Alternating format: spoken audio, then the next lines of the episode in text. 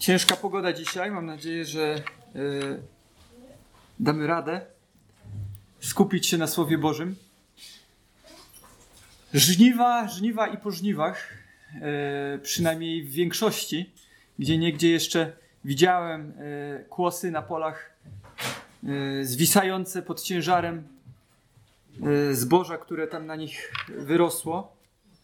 Mieliśmy okazję z Nadią wyjechać pierwszy raz od 16 lat, jak jesteśmy małżeństwem, e, na wyjazd bez dzieci. Byliśmy 4 e, dni poza domem i wybraliśmy sobie takie ustronne miejsce. 15 kilometrów do morza.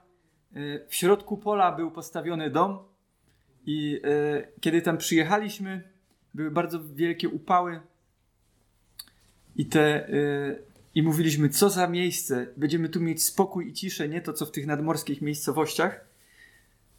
O ile rolnik nie zechce skosić tego zboża, które nas otaczało, 50 hektarów pola było wokół nas.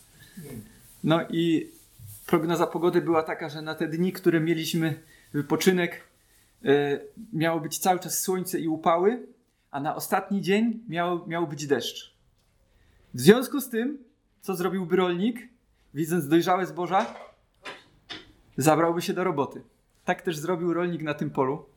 Przyjechał starym kombajnem dla facetów, którzy się trochę orientują, bizonem e, i kosił bardzo e, dzielnie to, to zboże i skosił. Przez te wszystkie dni kosił do późna, gdy jeszcze było ciemno, lampy się świeciły. My mieliśmy okna na, na naszym balkonie otwarte, słyszeliśmy odgłos kombajnu cały czas. Nie przeszkadzało nam to aż tak bardzo, e, bo rolnicy mają taką robotę, że muszą zebrać żniwo. E, nie wiem, czy zdajecie sobie z tego sprawę, ale z kłosami jest dość ciekawa sytuacja. One muszą dojrzeć. Tego nie da się wyznaczyć na daną datę. Wy sobie, większość z Was, zaplanujecie urlopy już w styczniu e, i jedziecie na ten urlop, ale rolnicy tak nie mają. Oni muszą czekać, bo w jednym roku jest więcej słońca, w drugim mniej. E, I czekają, aż te zboże dojrzeje. I ono potem tak zwisają, tak kłosy w dół pod ciężarem tych ziaren. I one, oni muszą zebrać to zboże w momencie, kiedy ono już jest dojrzałe, jeszcze jest suche, ale jeszcze nie wypada z tych y, gniazd nasiennych. Y, gdyby zebrali je wcześniej, E, nie byłoby dobrze, e, a gdyby poczekali trochę za długo, gdyby na przykład spadł deszcz, ten deszcz sprawiłby, że one by, te ziarna by wypadły i ich plon gdzieś tam by zniknął. Dlatego oni ciężko pracują.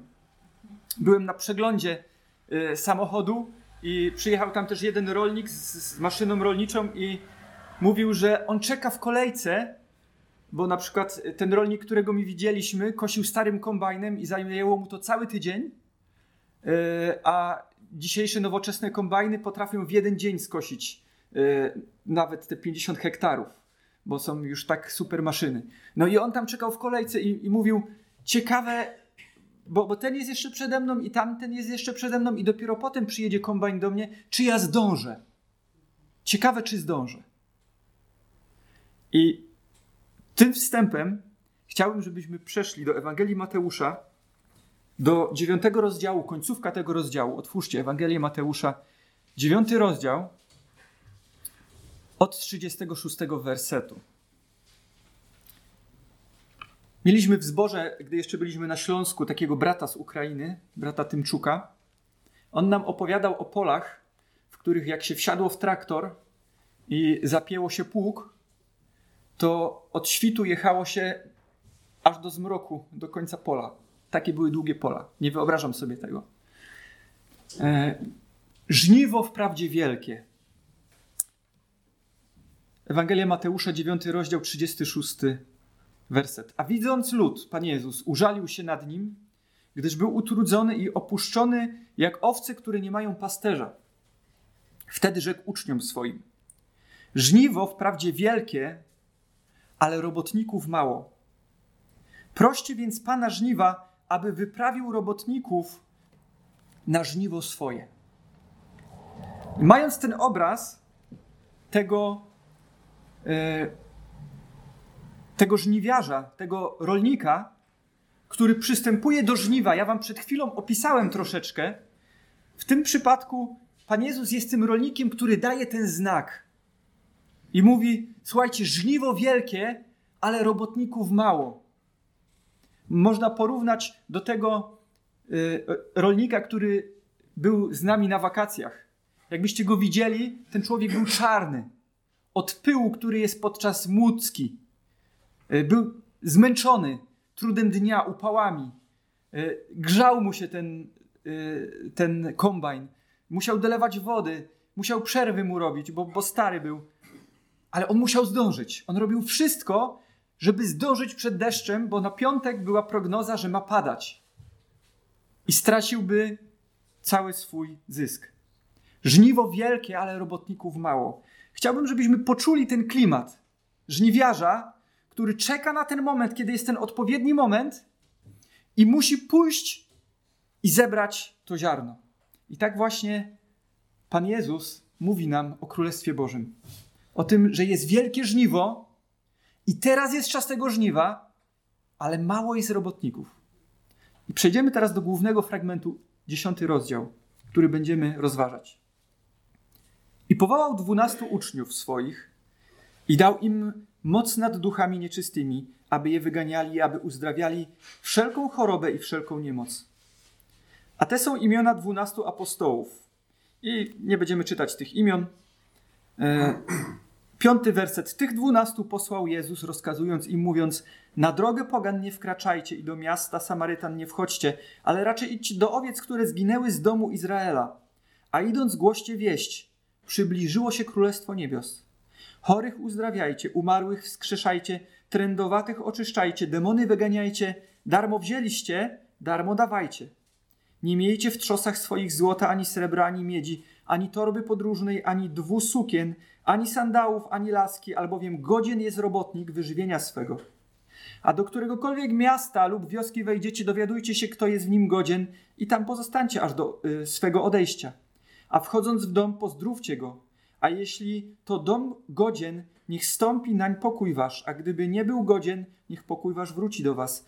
I gdyby kto was nie przyjął i nie słuchał waszych słów, wychodząc z domu lub z miasta onego, strząśnijcie proch z nóg swoich Zaprawdę powiadam wam, lżej będzie w dzień sądu ziemi sodomskiej i gomorskiej niż temu miastu. Faryzeusze w tamtych czasach bardzo różnili się od Pana Jezusa. Oni patrzyli na ludzi jak na śmiecie, na takich zwykłych ludzi, na śmieci, które powinny zostać zniszczone i spalone. Pan Jezus patrzał na nich inaczej. Pan Jezus spojrzał na nich, widział tłum, i użalił się nad nimi. Widział, że są owce, jak owce, które nie mają pasterza. On patrzał na nich jak na żniwo, które musi dojrzeć i być uratowane.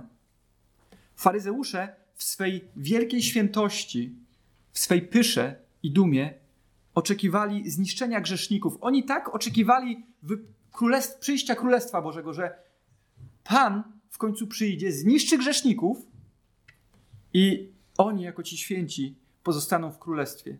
Natomiast Pan Jezus przychodzi, aby szukać i zbawić to, co zginęło. On zupełnie inaczej patrzy. Ale do swojego dzieła zbawienia on powołuje żeńców. Nie wiem, czy zwróciliście na na to uwagę, że Pan Panów i Król Królów, który może zrobić wszystko, potrzebuje ludzi. Zauważyliście, że Pan Jezus powołuje żeńców. Mógłby to zrobić bez nas. Mógłby dokonać e, dzieła odkupienia bez nas. Ale zdecydował się powołać nas jako swoich współpracowników. W czasie, gdy był na ziemi, Pan Jezus pragnie, by jak najwięcej ludzi usłyszało dobrą nowinę. Jezus pragnie, aby dzieci były nauczane. On pragnie, byśmy szli i mówili innym o nim. Możesz powiedzieć, modlitwa nie. Yy, modlitwa wystarczy. Ja będę siedział w domu, będę się modlił o dobre dzieło. Ja będę wspierał tych, którzy chodzą, bo ja nie jestem z tych, którzy yy, powinni chodzić i głosić Królestwo Boże.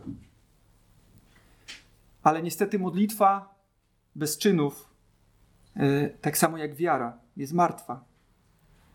Kiedyś Marcin Luther miał przyjaciela, który podzielał jego przekonania dotyczące wiary chrześcijańskiej. I razem zdecydowali się walczyć o reformację. Podczas gdy Marcin Luther e, wyruszył, by głosić swoje tezy, ten siedział w klasztorze zamknięty i modlił się o to dzieło. Wspierał go w modlitwie. Ale któregoś, którejś nocy miał sen. Ujrzał pole zboża tak duże jak świat, a na nim samotnego człowieka. I widział tego samotnego człowieka, który próbował zebrać ten plon i trudził się i nie dawał rady. I w pewnym momencie w tym śnie ten człowiek, który zbierał plon, odwrócił się, e, a ten przyjaciel rozpoznał w nim Marcina Lutra. Pan Bóg przez ten sen dał mu znać, że powinien pozostawić modlitwy i zabrać się do pracy. Opuścił więc pobożną samotnie i wyruszył w świat pracować przy żniwie. Pan Jezus pragnął, by każdy człowiek był misjonarzem i żeńcem.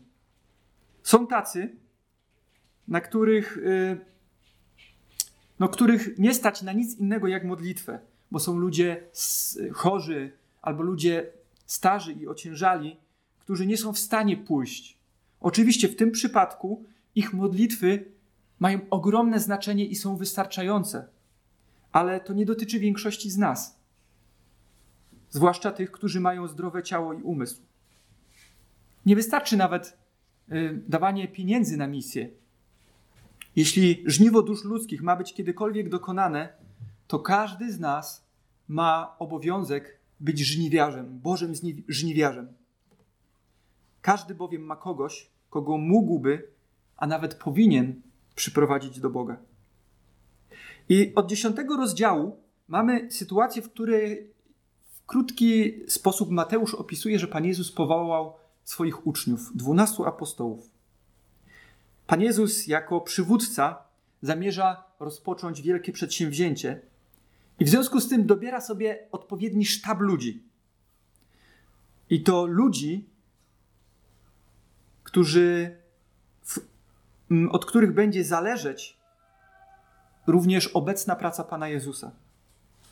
My, gdybyśmy mieli rekrutować ludzi na takie stanowiska, to zrobilibyśmy oficjalną rekrutację, kazalibyśmy wszystkim napisać CV i list motywacyjny, i dopiero po rozpatrzeniu tych listów motywacyjnych i tych CV wybralibyśmy tych najbardziej godnych, najbardziej wykwalifikowanych, najbardziej uzdolnionych, i e, dopiero oni mogliby wykonywać daną służbę w naszym kościele.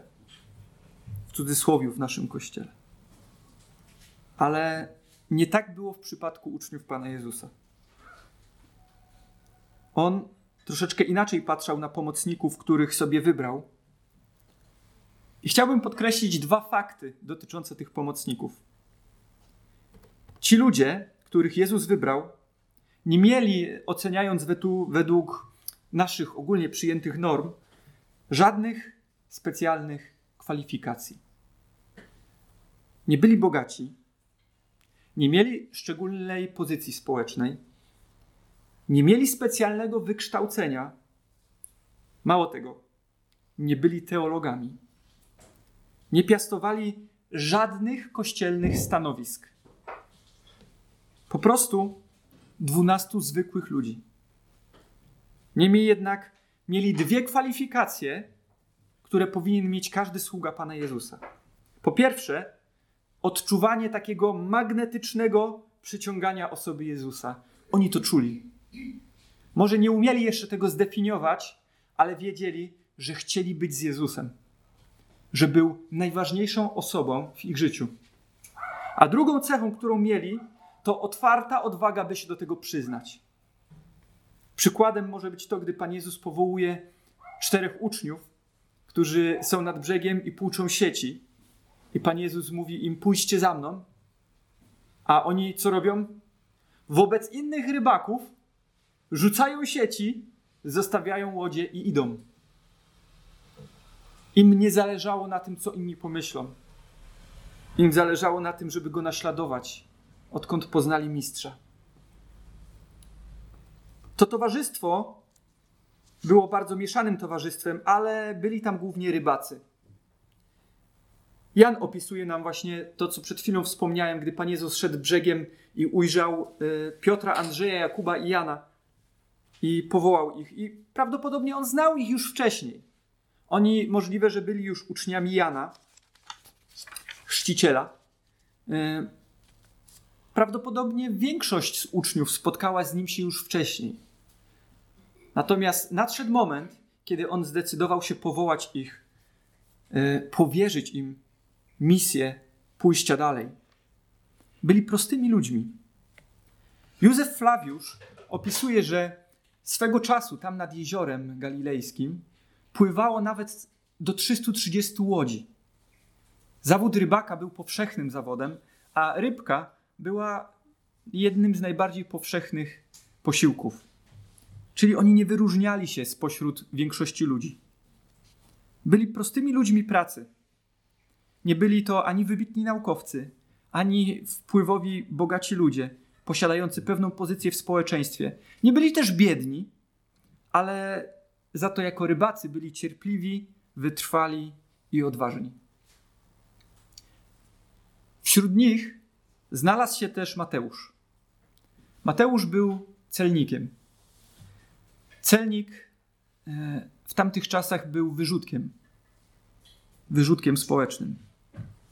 Wszyscy mogli uważać Mateusza za zdrajcę zaprzedanego Rzymianom. Była grupa ludzi, których określano jako przestępców. To byli złodzieje, mordercy i właśnie celnicy. Mateusz zaliczał się do trzeciej grupy. Jako celnik, jeśli byłby w synagodze wcześniej, zostawał z tej synagogi usunięty ale to właśnie jego powołał Pan. Wyrzutka społecznego.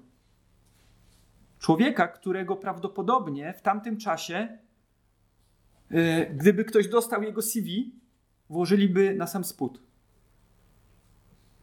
My czasami przez swoją sztuczną pobożność stawiamy bariery do służby. I to nie tylko bariery innym, bo robimy takie wielkie zasady chcemy być tak bardzo uduchowieni, że mówimy: O nie, ten nie może tego robić, albo tamta nie może tego robić. Albo sami sobie robimy bariery, dając jakieś dziwne wymówki albo dziwne zasady, które niby mają podkreślić naszą, nasze myślenie o świętości albo nasze myślenie o duchowości, a Pan Jezus mówi: Żniwo jest wielkie i robotników mało, idźcie. Krótko i na temat. Wziął do swojej grupy dwunastu e, najbardziej zaufanych współpracowników wyrzutka społecznego Mateusza. Mało tego. Był tam również Szymon Kananejczyk. E, w innych fragmentach przeczytamy, że był on nazywany Szymonem Zelotą albo Szymonem Gorliwym. Józef Flawiusz, historyk żydowski, opisuje, że Zeloci byli jakby czwartą partią w Izraelu. Oprócz e, faryzeuszy, saduceuszy i eseńczyków byli właśnie Zeloci. I ich cechowało gwałtowne dążenie do wolności.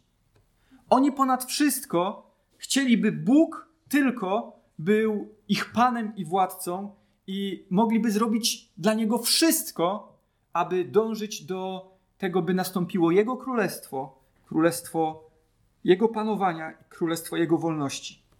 Oni byli gotowi oddać życie za wolność kraju i nie wzdrygali się nawet, nawet na widok śmierci swoich bliskich. Uważali, że żaden człowiek nie ma prawa do noszenia imienia i tytułu króla, jak tylko Bóg.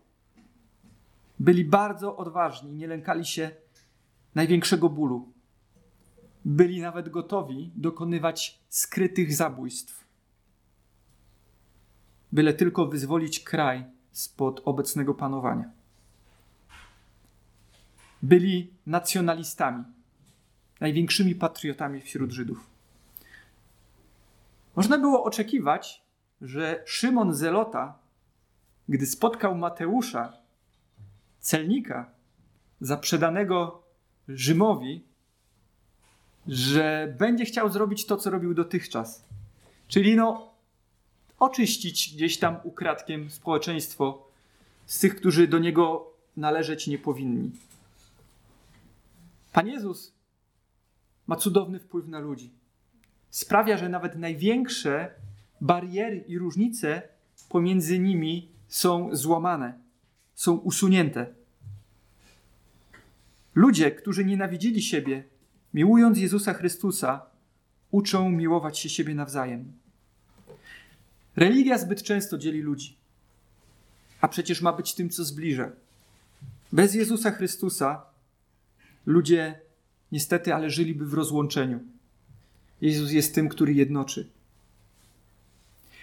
I popatrzcie, takich właśnie ludzi wybrał Pan Jezus na swoich współpracowników. Nowy Testament niewiele nam mówi o apostołach. On bardziej gloryfikuje ich dzieło, ich pracę niż ich samych. Jednocześnie jednak określa ich wielkość w kościele, bo mamy w Księdze Objawienia opis e, miasta, kościoła i fundamentów kamiennych, węgielnych kamieni świętego miasta, gdzie są wypisane imiona apostołów. Bóg docenia służbę, jednak nigdy żaden człowiek nie jest na pierwszym miejscu w służbie Jezusa Chrystusa, tylko On sam. Dlaczego Pan Jezus nazwał apostołami apostołów? Apostoł nie znaczy nic innego jak ten, który został posłany. Jest to słowo, które znaczy również poseł albo ambasador. I właśnie chrześcijanin e, jest ambasadorem Chrystusa. Popatrzcie, do jakiej godności zostaliśmy powołani, że możemy być ambasadorami samego Chrystusa. Chrześcijanin staje przed obliczem Chrystusa, aby potem móc pójść dalej i przekazać innym ludziom słowo Jezusa Chrystusa, przedstawić Jego osobę, przedstawić Jego piękno. To jest zadanie apostoła. To nie jest jakaś posadka. To nie jest jakaś. Wiecie, tu nie chodzi o to, kim kto jest w kościele i jaką ma pozycję. Absolutnie nigdy o to nie chodziło. Dlatego też nie staramy się w jakiś sposób szczególny yy, pokazywać w naszych kościołach, kto jest przywódcą przez jakiś piękny ubiór albo przez yy, jakieś specjalne tytułowanie. Chociaż powinniśmy szanować yy, naszego pastora, powinniśmy dbać o starszych, modlić się o nich, ale nigdy nie powinny te osoby być yy, przedmiotem szczególnej czci. Jesteśmy wszyscy sługami Bożymi. Zadanie królewskiego posła. Od piątego wiersza e, jest takie, są słowa, są komendy, które Pan Jezus wydaje swoim uczniom. Jest tam użyte bardzo ciekawe słowo, paragellein e, w Grece. I to słowo może mieć cztery znaczenia. E, mogło oznaczać to słowo komendę wojskową, czyli Pan Jezus tak jakby był dowódcą wysyłającym e, swoich poddanych do walki. E, to słowo mogłoby oznaczać również e, prośbę przyjaciela o przysługę, czyli jeśli jeden przychodzi do drugiego i prosi ze względu na to, że jesteś moim przyjacielem, zrób to czy tamto, to wtedy właśnie używano tego słowa. Albo gdy cesarz wydawał rozkaz, w tym przypadku można by porównać Jezusa właśnie do tego, który ma tą najwyższą władzę albo gdy nauczyciel albo filozof przekazywał swoje reguły swoim uczniom, też było używane to samo słowo. I właśnie w takim kontekście musimy rozpatrywać słowa Pana Jezusa, który wysyła uczniów. Gdy on mówi Nie wkraczajcie na drogę, y, nie idźcie tam, róbcie to, róbcie tamto, to oni traktują go jednocześnie jako Pana, króla, jako dowódcę, jako nauczyciela, ale też jako przyjaciela. Pan Jezus łączył w sobie to wszystko. To nie był despota, ani to nie był jakiś yy, ktoś, kto nie wiedział, co będą mogli czuć i jak będą się zachowywać. Tekst ten mówi o wyprawie misyjnej, która miała zasięg lokalny. Nie wiemy, czemu tak Pan Jezus zrobił, ale możliwe dlatego, że były to początki ich służby i chciał wysłać ich na, na test. Wysłał ich na chwilę, tylko idźcie tam, nie oddalajcie się za daleko, tylko lokalnie będziecie mówić. A w Ewangelii Łukasza w 10 rozdziale mamy już krok dalej, kiedy zostało wybranych ponad 70 uczniów i ci uczniowie zostają wysłani i prawie identyczne słowa, czy tam zakazy, nakazy, pouczenia słyszą. Liczba 70 u Żydów miała symboliczne znaczenie i Łukasz mówi, że liczba starszych, yy, on nawiązuje przez to, Pan Jezus nawiązuje, wybierając 70 do starszych, którzy pomagali Mojżeszowi, gdy zaczął yy, przewodzić ludem izraelskim. 70 to była liczba starszych w Sanhedrynie, w Najwyższej Radzie Żydowskiej. I w tamtych czasach również utrzymywano, że cały świat liczy około 70 narodów. Więc ta liczba uczniów, którzy byli wybrani, e, nie miała ograniczyć się do tych 70, ale miała symbolicznie wskazywać, że powinni iść wszędzie, gdziekolwiek zdołają dojść. To miało być dla całego ludu. E, I to miało być tak jak świat szeroki. To nam pokazuje, że Pan Jezus chce, byśmy szli gdziekolwiek możemy. Byśmy nie robili jakichś sztucznych podziałów, ale On dał pewne zasady, żeby nasza służba Bogu nie była chaotyczna. Kiedy rolnik wykonuje swoją pracę, są pewne zasady. On nie kosi jak chce, nie jeździ byle jak po tym polu, tylko rządek za rządkiem, żeby nie pominąć czegoś żeby nie została część nieskoszona, żeby się nie zmarnowała.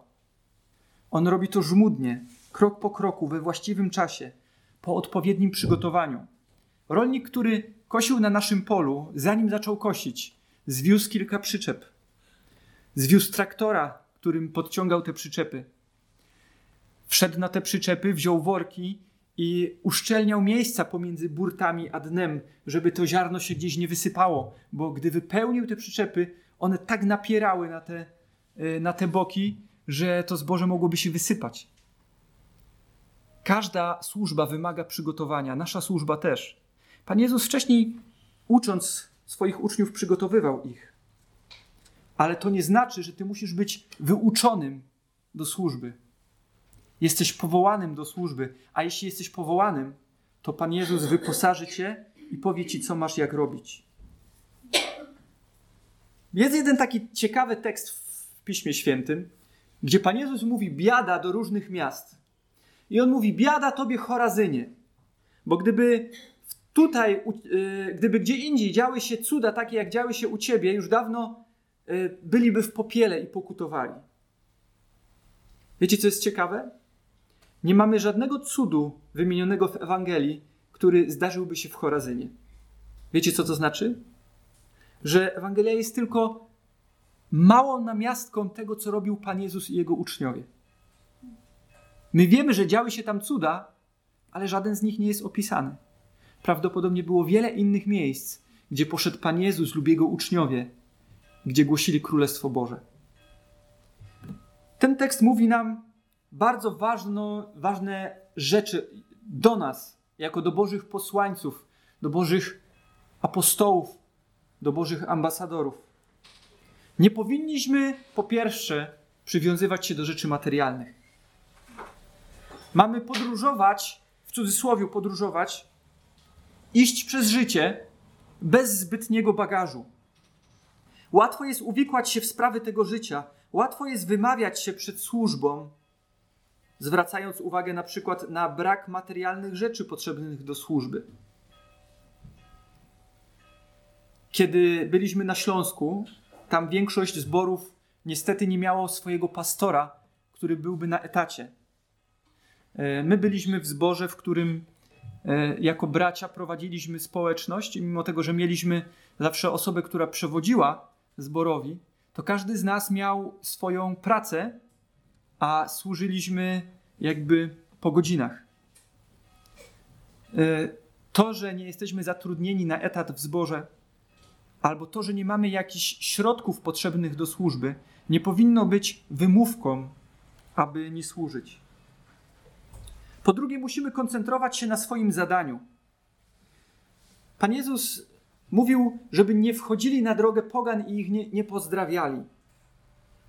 Kiedy Eliasz wysłał swojego sługę Gehaziego w drugiej królewskiej, powiedział mu dokładnie to samo.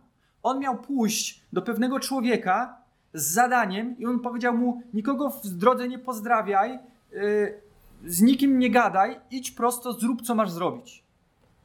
My tak czasami mówimy naszym dzieciom: yy, przynieś coś z góry, albo idź, zajdź, przynieś tamto. Ale skup się, nic innego nie rób, idź i przynieś. Wyobraźcie sobie, że idą na górę po schodach i już nie wiedzą po co poszli. My też tak czasami robimy, nam też się zdarza. W tym fragmencie nie chodzi o to, że my mamy być nieuprzejmi, nikogo nie pozdrawiając, do nikogo się nie odzywając, ale Pan Bóg namawia nas, żebyśmy byli wierni w służbie, żebyśmy nie wplątywali się e, w takie, wiecie, stosunki, które nie przynoszą nic e, dla Królestwa Bożego. Gdzie przyjdziemy, zagadamy się z kimś, będziemy gadać o tym, tamtym, siam, siamtym, zamiast robić służbę, do której zostaliśmy powołani. Oczywiście nie chodzi o to, że nie możemy zatrzymać się i z nikim rozmawiać. O ile będziemy mogli głosić e, też tym ludziom Królestwo Boże, jak najbardziej róbmy to. Tylko w tym fragmencie chodziło o marnowanie czasu. Deszcz przychodzi, prognoza pogoda na piątek, że będzie padać, a 50 hektarów do skoszenia. Nie wiem, czy zdajemy sobie sprawę, o co chodzi i dlaczego jesteśmy powołani do tego, żeby być żniwiarzami.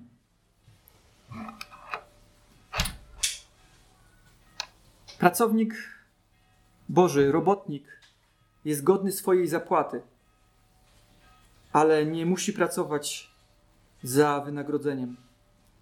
Sługa ukrzyżowanego Pana nie może być poszukiwaczem wygodnego życia. Gdy pojawiła się e, pierwsza książka omawiająca porządek chrześcijańskiego nabożeństwa, dawno, dawno temu, wieki temu, nazywała się Nauka dwunastu apostołów. Wtedy w tej nauce dwunastu apostołów mówili tak: Jeśli przyjdzie do was jakiś kaznodzieja, przyjmijcie go do domu, ale jeżeli ten kaznodzieja nie zacznie działać w ciągu trzech dni, jest fałszywym prorokiem w obecnym czasie, jak również przez całe wieki, pojawiało się wielu, którzy wykorzystywali służbę dla własnych celów. E, dlatego Pan Jezus mówi, żeby nie pozostawać gdzieś dłużej, żeby być dla kogoś też nie być uciążliwym. Patrzcie, jakie to, jaka to musiała być wiara względem Pana Jezusa, który to miał zaopatrywać swoje sługi w to, co jest im potrzebne. W Ewangelii Łukasza w dziesiątym rozdziale Przeczytajmy Ewangelia Łukasza, 10 rozdział. To jest, gdy tych 72 uczniów wraca do Pana Jezusa. My w środę, gdy rozważaliśmy, trochę zastanawialiśmy się nad cudami, które były wykonywane e, w Efezie, których dokonywano w Efezie. I teraz patrzcie, wracają ci posłani e, Łukasza 10 rozdział od 17 wiersza. Powróciło tedy owych 72 z radością, mówiąc: Panie, i demony są nam podległe w Twoim imieniu.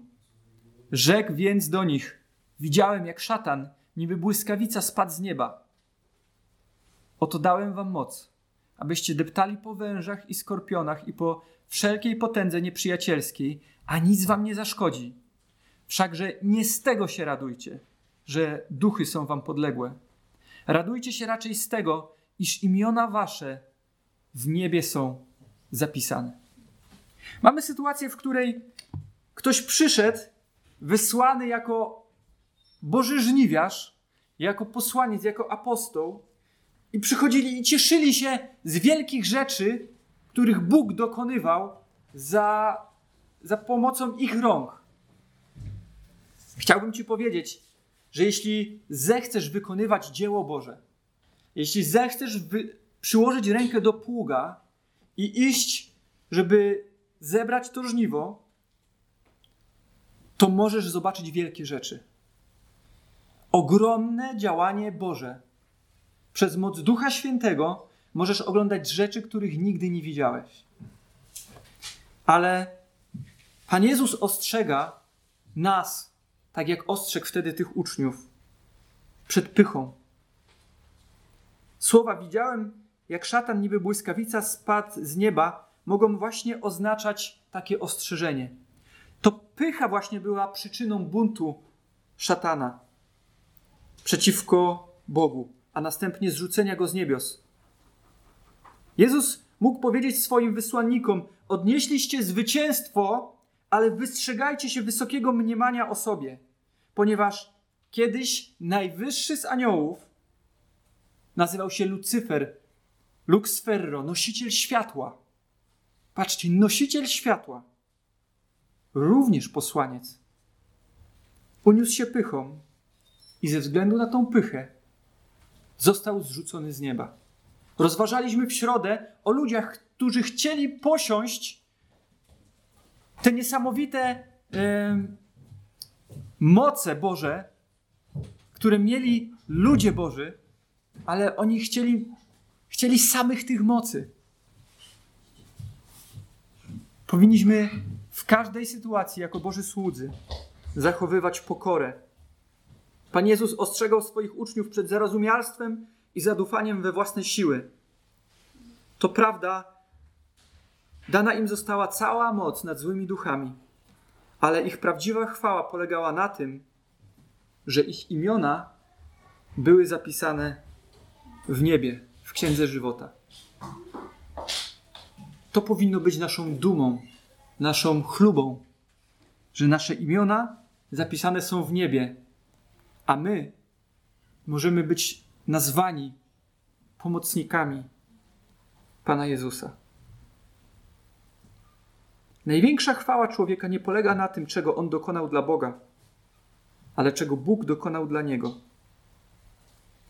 Kiedyś James Simpson, profesor, który zastosował chloroform, był na konferencji prasowej i pytano go w związku z tym chloroformem, jako, y, jako tym, y, co służyło znieczuleniu podczas, y, służyło do narkozy chirurgicznej, spytano go, co było jego największym osiągnięciem w życiu i dziennikarz zadając to pytanie chciał usłyszeć, usłyszeć jak najwięcej o tym chloroformie. Tą całą historię, jak to się zaczęło. Chciał usłyszeć wszystko, co z tym związane. W tym momencie to był dzień dla profesora Simpsona, w którym on stał się sławny. Co uważa pan za swoje największe odkrycie? Simpson odpowiedział jednak: Moim największym odkryciem było to, że Chrystus stał się moim zbawicielem. Sługa Boży, gdy uświadomi sobie, jak wiele Pan Jezus dla niego zrobił, gdy jest świadomy całego brudu, który Pan Jezus zabrał i unicestwił, gdy jest świadomy, jak wiele go to kosztowało, by nas odkupić, jak bardzo cierpiał, gdy jest świadomy, że otrzymuje to od Pana Jezusa zupełnie za darmo, z łaski. Jest to jego naj, największym odkryciem. Jest to największym szczęściem. Nawet największy człowiek w obecności Boga może powiedzieć jedynie: Nie jestem w stanie nic ci przynieść w rękach. Jedynie Twego krzyża się trzymam. Przychodzę do Ciebie nagi po szatę, którą mi ofiarujesz. Jestem biedny, szukając Twojej łaski. Jestem brudny, idąc do źródła, w którym mnie obmyjesz. Oczyś mnie, zbawco, inaczej zginę. Duma oddala nas od nieba, a pokora prowadzi nas przed oblicze Boga. Chciałbym zakończyć mówiąc Wam o filmie, który oglądaliśmy ostatnio z Nadią. Może udało Wam się ten film zobaczyć. Harriet, słyszeliście? Bardzo fajny film. Można go obejrzeć y, między innymi na Netflixie, który opowiada o niewolnictwie w Stanach Zjednoczonych jeszcze przed wojną secesyjną, kiedy to yy, yy, czarnoskórzy byli niewolnikami i byli bardzo wykorzystywani. I jedna z niewolnic, która tam była, ufała bardzo Bogu i miała widzenia. Pan Bóg dał jej widzenie któregoś razu, że będzie wolna. I ona, podążając za, głowę, za głosem Bożym, uciekła któregoś razu z farmy, na której pracowała ona i cała jej rodzina. W którymś momencie staje na moście y, i nie ma wyjścia, bo gonią ją ci, od których uciekła. I powiedziała, że ma wybór albo śmierć, albo wolność. Skoczyła z mostu do rwącej rzeki i przeżyła. Ale tam nie zaczyna się historia życia w wolności, tylko ona cały czas miała w sercu swoich braci i swoje siostry, którzy nadal żyli w niewoli. I ona wyrusza z powrotem na południe, tam, gdzie była niewolnicą, po to, żeby uratować swoich bliskich. Idzie po jednego człowieka, wraca z siedmioma. Potem wraca kolejny raz i jeszcze jeden. I tak ratuje ponad 70 osób. Gdy tak wiele osób zostało uratowanych z niewoli, tylko dlatego, że ona widziała, pamiętała cały czas, będąc wolna, o ich beznadziei i o, o tym, że oni dalej żyją w niewoli, że ona nie mogła pozostać bezczynna. Widziała żniwo, ale wiedziała, że jeśli ona nie pójdzie, to oni zginą. Czy masz ten obraz przed oczami? Czy widzisz, że jeśli ty nie pójdziesz, to ktoś może zginąć? Biali panowie, którzy stracili tak wielu niewolników, nie mogli wytrzymać. W związku z tym zmienili prawo i byli w stanie w związku z nowym prawem ścigać uchodźców. Następuje pewien moment. Sorry y, dla tych, którzy nie widzieli tego filmu, ale chcę wam to powiedzieć, bo nastąpił moment, w którym e, nie było już bezpiecznego miejsca, nawet tam w Filadelfii, gdzie oni uciekali. I jedynym wyjściem dla nich była dalsza ucieczka. I to nie 100 kilometrów dalej, tak jak wcześniej, pieszo, ale ponad 500 kilometrów do Kanady. I wielu, którzy zastanawiało się nad tym, e, co mogą zrobić dla tych niewolników, stwierdziło: No, co zro mogliśmy zrobić, to zrobiliśmy, ale teraz już nie damy rady, bo droga jest daleka. E, wymaga to kosztów, wymaga to wielu sił. Droga jest trudna, przez góry, czasami zimą. No trudno. I w tym momencie ta kobieta występuje i mówi im o człowieku, który był niewolnikiem, zasmakował niewolnictwa i może być wolny. Dla którego w obliczu wolności te 500 kilometrów wydaje się niczym. I przyprowadziła kolejnych 700 ludzi. Tylko dlatego, że była wytrwała nie patrzała na to, czy ma kasę, czy nie ma kasy, czy ma środki, czy nie ma środków, czy da radę, czy nie da rady. Była kobietą. Podaję Wam to jako taki dobry przykład, żebyśmy popatrzyli od czasu do czasu w nasze serce. Spojrzeli, że kiedyś byliśmy niewolnikami grzechu, a Pan Jezus wykupił nas, a my teraz możemy iść tak jak ta tytułowa Harriet. Pójść żeby przyprowadzić Boży lud do wolności.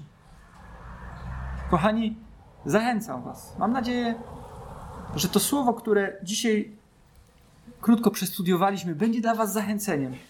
Żebyście wiedzieli, że nie musicie być jakoś szczególnie utalentowani, wysokiego rodu, bogaci, wykształceni teologicznie, ale wystarczy, że Was ciągnie do Pana Jezusa i że nie boicie się publicznie wyznawać Go. Jeśli te, macie te dwie cechy, to powinniście iść, bo żniwo jest wielkie, a robotników mało, a czas jest bliski. Przychodzi piątek, a prognoza na piątek to deszcz. Jeśli dobrze rozumiecie, o jakim piątku mówię. Dzień Pański jest blisko. On przyjdzie jak złodziej w nocy. Czas łaski jeszcze trwa, a my możemy dołożyć się do tego dzieła jako Bozi, Boży współpracownicy. Życzę Wam z całego serca, żeby Pan Jezus mógł Was używać dla swojej chwały.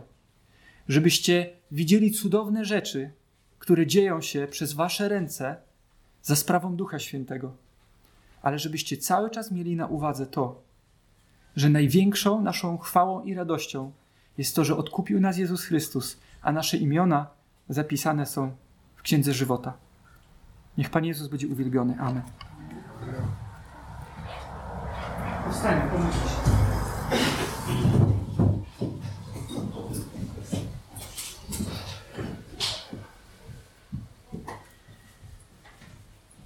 Dobry Boże, ja Ci pragnę z całego serca podziękować, że dostąpiliśmy tego przywileju, że możemy być nazwani Twoimi współpracownikami.